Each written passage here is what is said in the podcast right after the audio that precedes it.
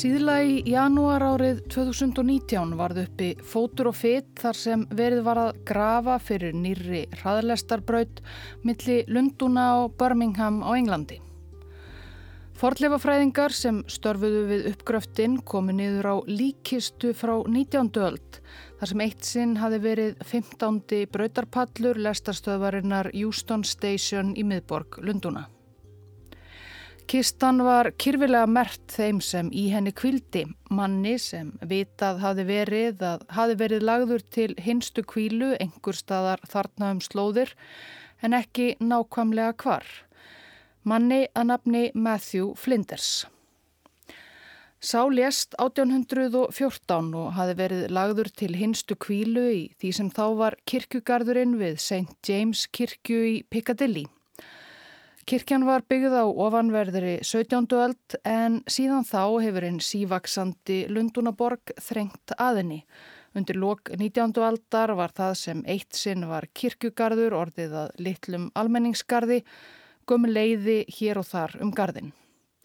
En 1887 hófust framkvæmdir við að stækka nálaga lestarstöð Júston sem þá var orðin einn fjölfarnasta samgöngumiðstöð borgarinnar og það sem hafði verið litli kirkugarðurinn við St. James kirkju kvarf smátt og smátt næstu árin undir lestarteina og brautarpalla. Engur leiði voru flutt í annan nálægan garð en alls ekki öll og sum hurfu. Þar meðal leiði Matthews Flinders. Flinders þessi var sjóliði, skipstjóri og gat hann sér það helst til fræðar að sigla fyrstur manna ringin í kringum alla Ástralíu sem hann gerði á tæpu ári 1802 til 1803. Hann er fyrir vikið einn rómaðasti landkönnuður í ástralskri sögu. Ótal örnefni þar siðra honum til heiðurs, bæir, skólar, stopnanir, ásjóna hans á frímerkjum og ófáum stittum og minnismerkjum.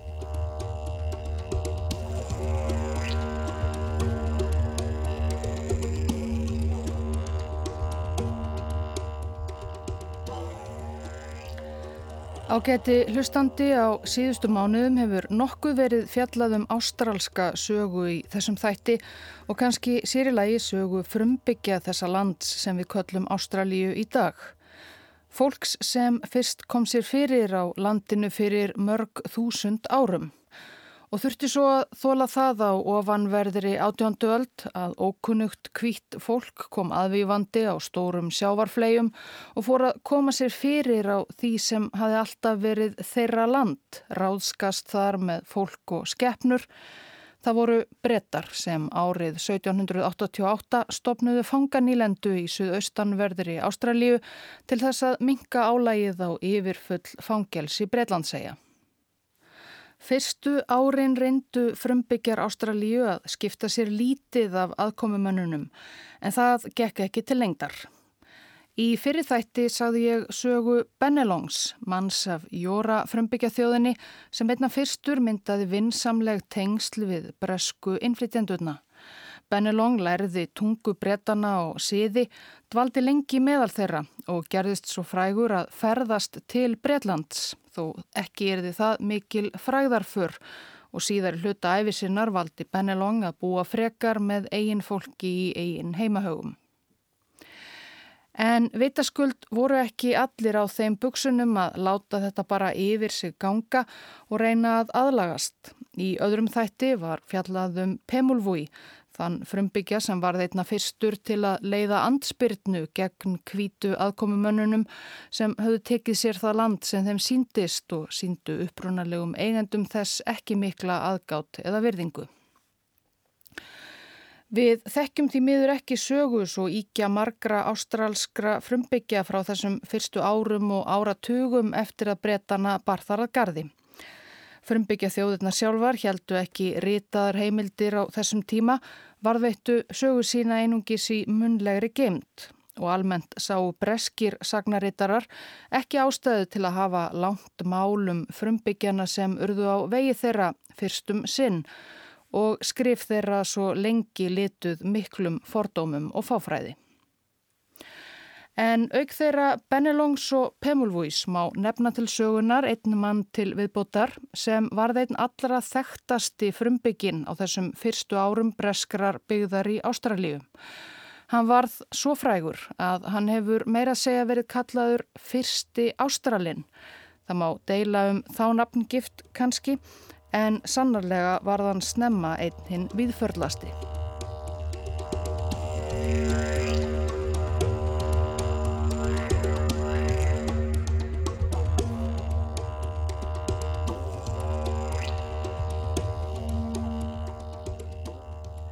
Nákvæmlega hvenar sá maður fættist er ekki vitað því það var jú fyrir alla ritaða skrásetningum. Einhverjir fræðimenn hafa slegið fram árinu 1770 sem fæðingar ári hans en mögulega er það bara einföldun eða óskikja vegna þess að einmitt það ártal markaði þáttaskil í sögulandsin sem maðurinn fættist á Það var árið sem breski sæfarinn James Cook kom til Ástralíu í fyrsta sinn á skipi sínu og kannaði það land sem síðar varð bresk fanganýlenda. En það var að öllum líkindum eitthvað í kringum það ár 1770, nokkur árum síðar kannski, sem drengurinn sem varð þekktur í rituðum heimildum sem bangari eða bongari eitthvað í þessa átt fættist. Hann tilherði frumbyggja þjóð sem kölluð hefur verið Kúringæ, fólk sem bjó við breiðan flóa um 30 km eins og fugglinn flýgur frá því svæði sem varð fyrsta byggð kvítu landnemanna í Sydney. Flóa þessum hafði James Cook silt framhjá í ferðsinni, honum þótti landið þar óárennilegt og grítt og nefndi flóan því Broken Bay eða grítta flóan. Við vitum ekki mikið um æfi Bangarís fyrstu árin. Fyrstu breytarnir sem komu í kjölfar Cooks sem fyrr segir 1788 og stopnuðu fanganílendu sína í Sydney, sildu yfir í Broken Floa á bátum skömmu eftir komu sína og könnuðu þar landið en lögðu það ekki undir sig og stoppuðu ekki lengi. Fólkið sem bjófið flóan var þá ekki lengi í friði fyrir aðkomufólkinu. Eins og getið var í fyrri þætti fluttu bresku landnemannir og fangar þeirra með sér ímsa sjúkdóma til nýjalandsins. Þar á meðal var bólusótt. Bretarnir voru flestir ónæmir fyrir bólusóttinni, höfðu vext áður og haft að af eða fengið fyrirrennara bólusetningar við sóttinni en ónæmiskerfi frumbyggja Ástralíu höfðu aldrei komist í tæri við slíkan skadvald. Þrátt fyrir að lítill samgangur væri milli landnema og frumbyggja og þessum allra fyrstu árum breskrar ástræljubeigðar breytist veikin út meðal frumbyggjana á fyrstu mánuðum ársins 1789 og lagði fjölda fólks. Brettar urðu þess fyrst ekki varir, ekki fyrir en þeir á ferðum sínum fóru að taka eftir líkum frumbyggja sem lágu eins og hráviði um skóa og strendur. Ljóst er að bólusóttin hefur leikið mörg samfélög frumbyggja mjög grátt. Sumstaðar urðu heilu þjóðflokkarnir sóttinni nær alveg að bráð. Þjóð Bangarís við Brókanflóa að talið er varð ítla úti. Bangari, kannski enn á táningsaldri, kannski eitthvað um tvítugt, hann livði af og var í hópi landa sinna sem rétt eftir faraldurinn flutti sig suður til Sidney. Þar voru bástattir frumbyggjar farnir að reyðra um sig í auknum mæli. Ég vonum að njóta góðs af því að vera í nágrenni við kvíta aðkomufólkið, versla við það eða reynlega betla af því sér til matar. Smátt og smátt fetuðu líka fleiri frumbyggjar í fótspór frumkvöðla eins og Benelongs sem lærði ennsku og fór að búa meðal breyta. Bangari verðist hafa plumað sig sérstaklega vel meðal aðkomufólksins. Hann var ungur, fljótur að læra og tilenga sér nýja siði og nýja tungu. Hann verðist hafa orðið nokkuð þektur í bæjarlífinu í Sydney ef svo máð orði komast og velliðin bæði meðal eigin fólks og bretana.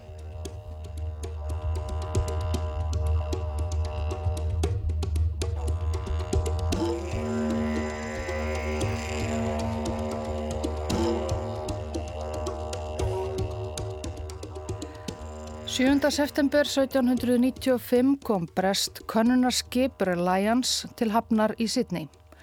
Flestir í áhöfn og farþegar voru að sjá þessa nýju nýlendu breyta í fyrsta sinn en það voru aðeins sjö ár síðan fyrstu bresku skipin komu til Ástralíu með landnema og fanga.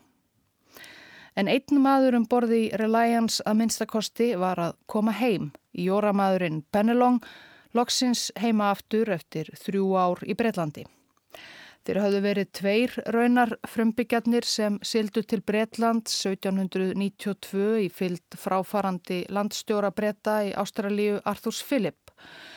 En félagi Benelongs Jemeravanne hafði orðið framandi sjúkdómum Lundunaborgar að bráð. Benelong var sjálfur hilsuveill eftir utanlandsferðina en á sjóleðinni heim um borði Reliance nautan umönnunar ungs bresks skipsleiknis George Bass.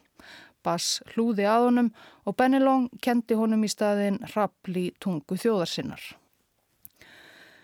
Miðskipsmaðurinn á Reliance hétt Matthew Flinders og var 21 árs. Hann var svonur skurðlæknis frá Lincolnshire á norðanverðu Englandi. Fadir hans hafi viljað að hann fetaði í fótspór sín en Matthew hafi fengið söguna um skipbrótsmannin Robinson Crusoe heilan sem ungur piltur og því óhlýðnast föður sínum og farið á sjó, gengið í breska sjóherin. Nú var Flinders komin alla leiðþangað suður eftir, aðalega í vonum að lenda í æfintýrum. Á leiðinni yfir hafið vingaðist Flinders líka við skipslæknin á Reliance George Bass. Þeir voru báðir frá Lincolnshire og Bass bara nokkrum árum eldri en Flinders og þeir ákváðu að fylgjast áfram að. Ekki löngu eftir komuna til nýlendunar lögðu þeir Flinders og Bass saman af stað í könnunarleiðangur á litlum seglbáti sem þeir kölluðu Tuma Þumal um strandlingjuna í nákrenni Sidney. Brettar höfðu þarna farið eitthvað um nákrenni byggðarsinnar bæði á landi og leigi en enn var mikið land og kannað. Hver mikið vissi í raun engin þar sem ekki var vita með vissu hver stort sjálft meginlandið var og hvernig það væri í læginu. En þessi fyrsti leiðangur þeirra Flinders og Bass á Tuma Þumli mæltist vel fyrir hjá æðstu mönnum nýlendunar Svo að árið 1798, þegar breska fangabegðin var tíu ára gömul, fekk Flinders það verkefni að kanna landsvæði sem vitað var að lægi enn lengra í suðri. Hollenskur sæfari Abel Tasman hafi silt þangað fyrstur Evrópumanna á 17. öld og nefnt til heiðurs landstjóra hollendinga í austur Indium, fann Dímensland. Það er eigin sem við þekkjum sem Tasmaníu í dag, sæfaranum sjálfum til heiðurs og er rétt suður af ástrálska meginlandinu. En þarna höfðu Evrópumenn ekki enn skorið úr um hvort landsvæði væri eiga eða kannski einhvers konar skægi út af þessu stóra landi. Flinders sildi suður á litlu seglskipi Norfolk. Hann sildi í kringum það sem reyndist vissulega vera eiga fann Dímensland og hann nefndi um leið sundið milli eigi og meginlands eftir lækninum góða, vini sínum og ferðarfélaga. Bassund heitir það enn í dag. Það hafa raunar vaknað grunnsendur um það nú á síðar árum að þeir Flinders og Bass hafi verið eitthvað talsvert meira en bara skips og ferðarfélagar eftir að fræðimenn rákust á bref sem Flinders skrifaði bass þegar þeir voru aðskildir, bref sem verða að teljast ansir hreint innileg. En það er önnu saga. Bass læknir var því miður ekki með í næsta leiðangri Flinders á skipinu Norfolk 1799 en þá hafði Flinders tekið að sér að kortleggja strandlengjuna norður af Sydney. Hann þurfti því að finna sér aðra ferðarfélaga og hann ákvaðað nú væri skinsamlegt að hafa frumbyggja með í för sem tólk svo hægt væri að eiga sem friðvænlegust samskipti við það innfætta fólk sem yrði á vegi konuðarins. Hér kemur ungi kúringæmaðurinn Bangari aftur til sögunar. Svo veriðist sem hann hafi bóðist til þess að fara með Matthew Flinders í leiðangurinn norður með ströndinni. Bangari hafði þá búið í grendið sittni um hríð, var orðin vel fær í tungumáli aðkomumannana og veriðist hafa verið vel liðin meðal breyta. Flinders alltjent lofaði hann fyrir góða lund og karlmannlega framgöngu í skrifum sínum um leiðangur þennan, um leið og hann harmaði fjárvist bass vinnarsins og Bangari reyndist mikilvægur áhafnarleiði. Við sjávarsíðuna norður af Sidney bjó fjöldin allur af fólki og með hjálp tólksins Bangarís tókst Flinders og félögum að halda samskiptum við þá á nokkuð vinsamlegum nótum. Þó Bangari hafi lært að ganga í fötum kvítamannsins í Sidney Þá fór hann ættíð ekki aðeins óvopnaður heldur kvik nakin á fund annara frumbyggja í ferðinni til að undirstryka að hann væri eins og þeir, heimamaður og jáfnframt óhulltur í fyllt þessara undarlegu fölu aðkomumanna. Yfirleitt gekk bangar í fremstur þegar farið var í land á undan flinders og öðrum bretum og stundum með gjafir til heimamanna Fræðimenn í dag telja mögulega hafi aðrir frumbyggjar jáfnvel talið að Bangari væri leiðtogi aðkomumannana, kvítumennir fylgjendur hans. Og já, þetta gekk, eða svona mestmægnis. Daginn í júli 1799 var skip Flinders Norfolk komið langt að heiman, meira en 700 kílometra í norður, að eigin okkuri rétt úti fyrir ströndu meginlandsins um það beil þar sem nú stendur Stórborgin Brisbane. Flinders og félagar fóru í land þar sem á móti þeim kom hópur innfædra, fólk af þjóð sem við vitum nú að nefndist Jindubari. Túlkurinn Bangari var með í för en samskiptin gengur nú ekki alveg eins greiðlega og oft áður. Bangari var enda komin ansi langt að heiman. Nokkuð sem breytanir hugsuðu þarna lítið úti og vissu lítið um er að þjóðirnar sem byggja hið stóra land Ástralju eru ekki aðeins fjölmarkar heldur einnig að hafa fjölbreyttar og mjög ólíkar. Þær tala þannig hundru tungumála sem alls ekki öll eru sérlega skild, ekki frekar en hinn mörgu tungumál Evrópu. Tungumál Djindubari fólksins á eigunni sem nú heitir Bræbi eiga var lítið skilt móðurmáli sunnlendingsins Bangarís og það gekk því nokkuð brösulega að ræða við Djindubari mennina sem komu til mótsvið þá. Matthew Flinders reyndi þá að veifa prjónahúfu bauðist til að gefa hana eigaskekjunum sem vináttu vott. En tindubari mennirnir reyndust hafa annars konar smekk fyrir höfuðbúnaði. Einn eigaskekja gaf til kynna að hann vildi ekki bara fá prjónahúuna, heldur líka kvíta stráhattin sem Flinders sjálfur bar á höfðinu. Nei, svo langt var Flinders ekki til í að ganga í nafni vináttunar að láta eigin stráhatt af hendi. Eigaskeggjarnir reyndu þá að þrýfa af honum hattin og reka hann af höfði hans með löngu priki án árangurs. Spennanum stráhattin magnaðist þar til einn eigaskeggi misti þólinnmaðina, kastaði spjóti sínu í áttað Flinders og félögum.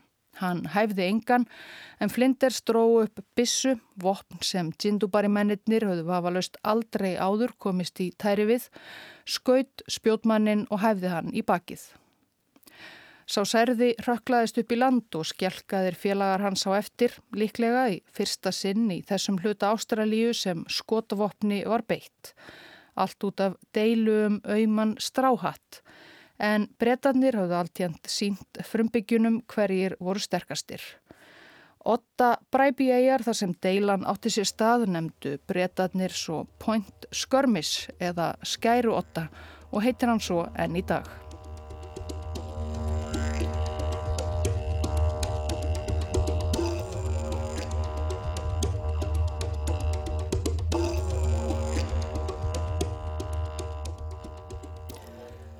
Matthew Flinders, Bangarú og félagar þeirra sildu um þúsund kílometra leið norður með strandlengjunni áður en þeir heldu aftur söður til Sydney þanga sem þeir komu í ágúst 1799.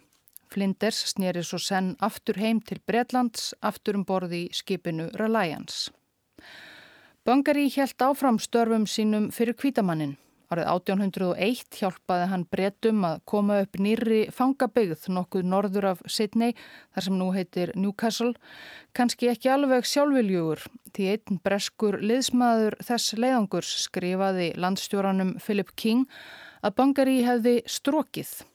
Vildi kannski bara komast heim, meira um þetta vitum við ekki, því einu frásagnirnar af Bungary eru úr skjölum kvítamannsins og frá bresku sjónarhörni.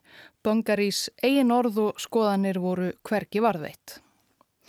En hvað sem varð af Bungary þarna snýri hann alltjent aftur og var komin til Sydney 1802. Matthew Flinders var þá líka snúin aftur Hróður könnunarferða hans hafi borist til mannsins sem var eins konar andlegur fadir fanganýlendurnar í suðri, náttúrufræðingsins Josephs Banks. Banks hafi verið í fyrstu siglingu Cooks til Ástralíu og æg síðan hafði hann látið sig landsvæðið varða og skipt sér af mönnum, málefnum og skeppnum. Jósef Banks vildi þannig Olmur fá frekari upplýsingar um landfræði, náttúru og dýralíf og beitti áhrifum sínum til að fá breska ráðamenn að kosta enneitn leiðangurinn með fram strandlengjunni undir stjórn Matthews Flinders. Í janúar 1801 lagði Flinders því af stað aftur suður á skipinu Investigator með áhöfn skipaða ímsum breskum fræðimönnum og spekulundum. Á leiðinni til Sydney sildi Investigator með fram söðurströnd Nýjalandsins, svæði sem þá var að stærstum hluta ókannað og skipverjar kortlögðu flóa, víkur og eigjar. Í mæ 1802 kom Investigator svo til Sydney þar sem Flinders tók vistir og réði áhöfn til enn lengri leiðangurs. Og vitaskuld vildi hann hafa sinn gamla kunningja með í för, tólkin góða bangari hinn hugrakka og heiðvirða eins og Flinders sjálfur skrifaði.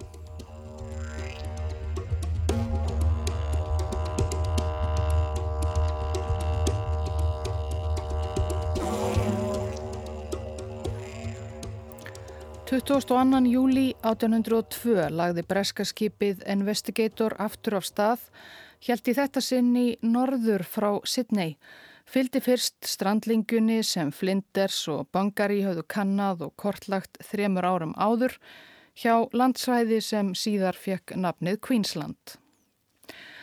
Bangari hafði sama hlutverk og í fyrri leiðangri að ná tengslum við fólkið sem varð á vegi þeirra í landi. Hann helt áfram að fara fremstur í flokki í land, óvopnaður og kvik nakin Gekk þannig oft til móts við heilu hópana af tortrygnum, vopnuðum, frumbyggjakörlum. Má segja að Bangari hafi þannig haft langa hættulegasta hlutverkið í þessum strandleiðangri Flinders og hann ekki síður á ferðum ókunnar slóðir en kvítir ferðarfélagar hans. Fljótlega í ferðinni fór Bangari enda að rekast á sömu vandamálu í fyrir leiðangri. Fólkið sem hann átti að tala við skildi hann reynd ekki. Til dæmis þegar nokkrir breskir náttúrfræðingar voru eitthvað að rannsaka sönduga smáegu úti fyrir austurströndinni og hópur frumbyggja Karla með trjágreinar á lofti nálgæðist hópin. Böngari fór úr fötunum og lagði frá sér spjótsitt til merkisum að frumbyggjarnir skildu koma til hans. En þegar hann áttaði sig á að þeir skildu ekki tungu hans þá reyndi hann, auðmingjamadurinn, með sitt einfalda hjartalag að áarpa þá á bjagaðri ennsku og vonaðist til að það geti gengið. Þeir skildu auðvitað ekki heldur ennsku. Ekki kom til átaka í þetta sinn, frumbyggjarnir letu fræðingana í friði. En skriflinders af þessum leiðangri eru uppfull af lýsingum á frekar vonlausum tilraunum tólksins til að gera sig skiljanlegan. Þegar komið var allalegð norður að Torresundi milli Ástralíu og Nýju Gíneu í oktober 1803 Frumbyggjarnir hér eru dökkir og hörund, kveikir, vöðvastæltir, miðlungsmenn á hæð og ganga alveg naktir. Vinur okkar, Bongari, skildi ekkert í tungumálið þeirra. Njö virtust þeir hafa mikinn áhuga á honum. Hann virtist raunar finna til vannmáttargagvart þeim og leitt væskilslega út við hliðra. Svo í november á Mörrei-eigu, einni af smá-eigunum í Torresundi. Á norðanverðri eigunni var hópur innfætra. Böngari fór í land til þeirra nakin og óvopnaður en þótt þeir heldu á spjótum hörfuðu þeir undan honum og allar tilraunir okkar til viðræna voru áranguslausar.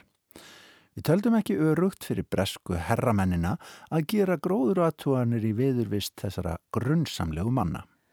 Og svo framvegis. Því lengra sem investigator hjælt með framstrandlengju þessa óra stóra lands, því betur rann upp fyrir flinders að fólkið sem þar bjó talaði alls ekki sömu tungu eða tungumál sem hljómuðu yfir höfuð mjög skild.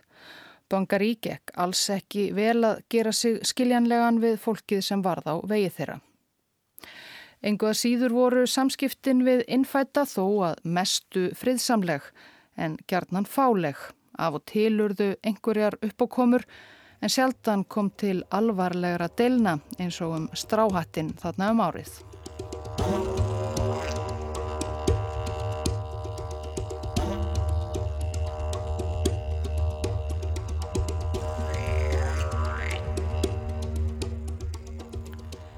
Í þessum þáttum hef ég hingað til ekki hikað við að nota nafnið Ástralja en það er jú þannig sem við þekkjum landsvæði þetta í dag.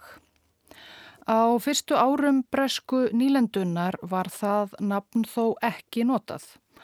Evróskýr sæfarar hafðu vissulega silt á þessar slóðir í leitað óþektu meginlandi í söðri, Terra Australis upp á latinu En þegar landmassin svo fannst var í fyrstu talaðum Nýja Holland, hollenskir sjómenn höfðu verið með fyrstu Evrópumönnum að kanna þetta svæði.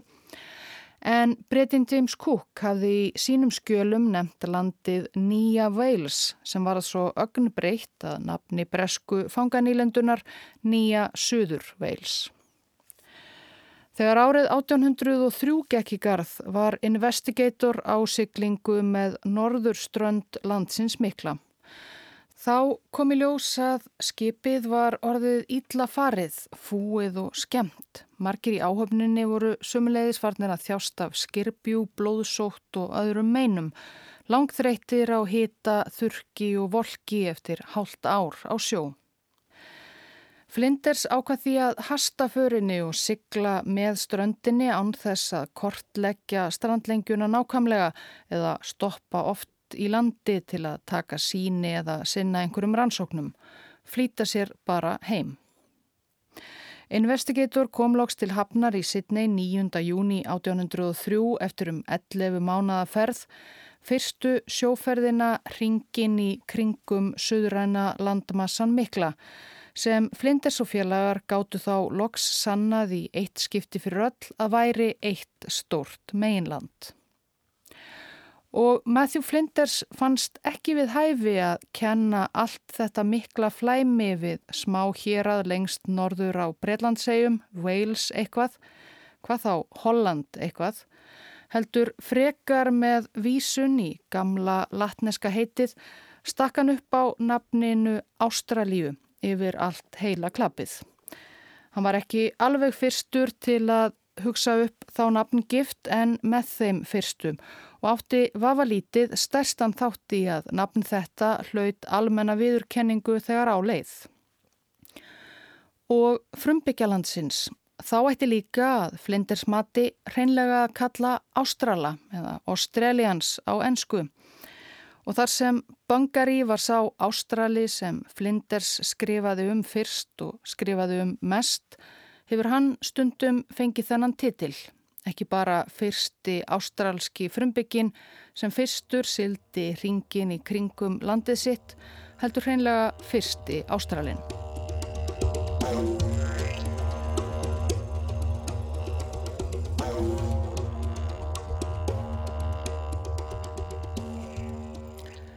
Skipið Investigator var dæmt ónýtt þegar það sneri til hafnar í Sydney.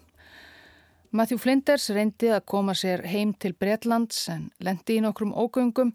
Hann var handtikinn á eiginni Mauritius sem laud stjórn frakka, óvinna þjóðar breyta, var í haldi frakkana í nokkur ár og komst ekki aftur heim fyrir enn 1810. Matthew Flinders lest svo í Lundunum 19. júli 1814 úr nýrnaveiki aðeins færtugur að aldri og var sem frá var sagt í byrjun þessa þáttar greftraður í kirkugarði St. James kirkju í Piccadilly. Týndist svo og fannst.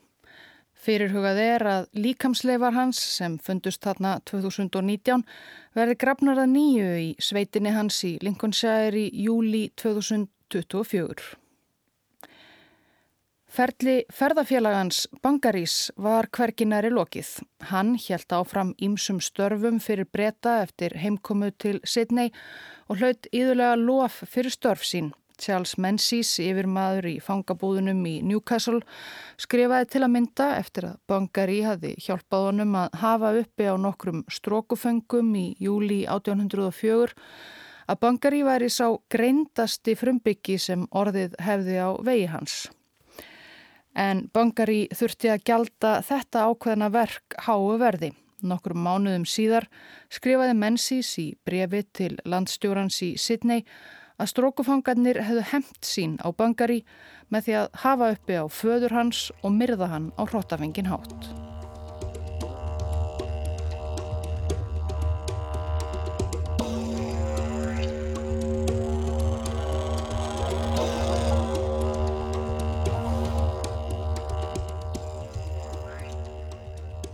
Í áspyrjun 1815 útlutaði þáverandi landstjóri breyta í Ástralju Lachlan Macquarie Bangari og ættingum hans af kúringa í þjóðinni frá Brokenflóa landspildu rétt norður af Sydney þar sem þau mættu setja stað og rækta landið.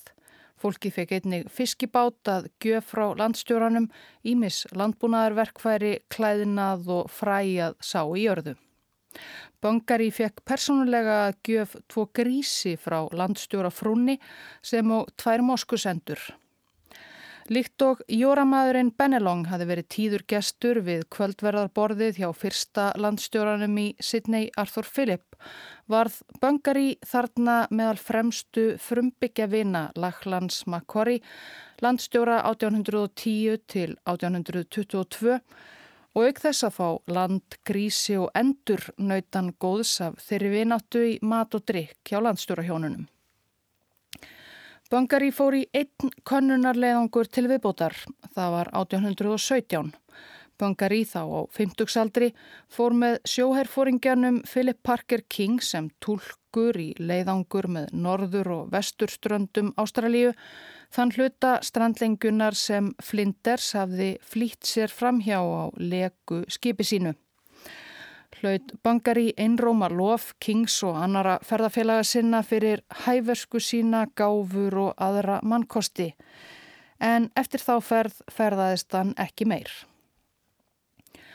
Samkvæmt frásögnum Ímissa breyta og annara erlendra gesta í Sidnei og nágræni frá þessum tíma verið spangari hafa verið búin að komast í mikla virðingarstöðu meðal frumbyggjana á svæðinu. Altjent leita þannig út fyrir utanaðkomandi. Bangari var þannig yðurlega tittlaður í dagblöðunum sem farið var að gefa út í Sydney sem höfðingi eða konungur frumbyggjana og hann tók gerðnan á móti skipum sem komu siglandi til hafnar í Sydney með pomp og prakt Uppáklættur í breska búninga sem honum hafi áskotnast, baðaði út höndum og bauð útlendingana velkomna til landsins. Kanski var það þó líka leið til að komast yfir ímsan varning, mat og drikk sem komu skipin báru, en það bangari konungur yðurlega leistur út með gjöfum eftir heimsóknir sínar um borð. Helst var hann hrifin af tópaki og rommi. Rétt eins og verið hafði með Benelong á undan honum varð Bangari sérlega hrifin af einni nýlundu kvítamannsinn sem þó fór ítla í hann áfengi neistla á hverju veriðst hafa háðunum mikið á síðar hluta æfinar. Við neyðumst til að kunngjöra dauða hans frumbyggja hátegnar Böngarís konungs, aðsta höfðingja Sidney Ættbolks. Hann lést síðasta miðugudag eftir langvarandi veikindi.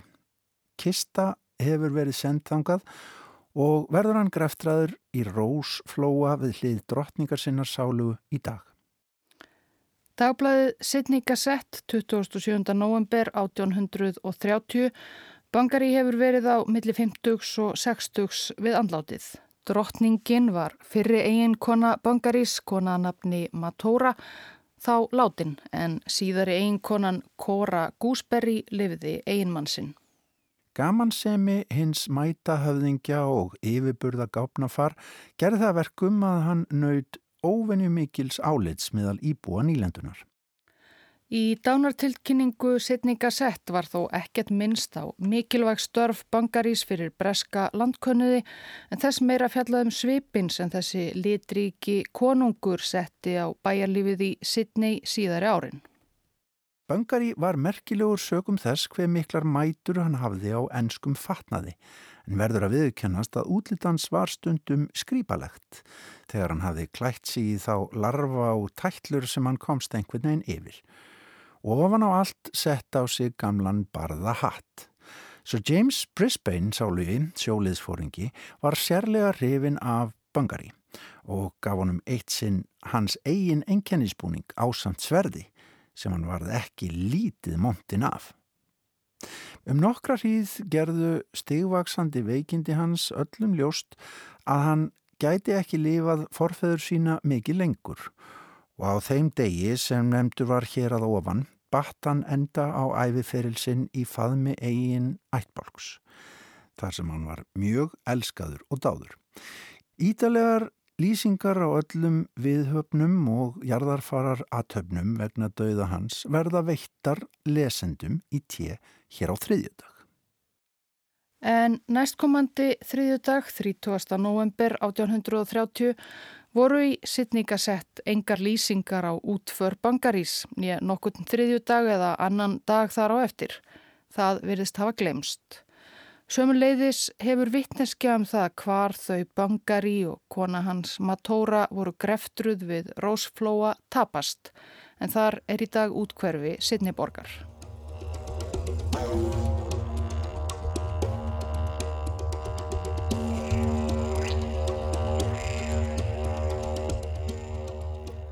Matthew Flinders er sem fyrr segir viðfrægur karakter í ástrálskri sögu, fyrstur til að sigla í kringum landið, kannski fyrstur til að nota nafnið Ástrálja.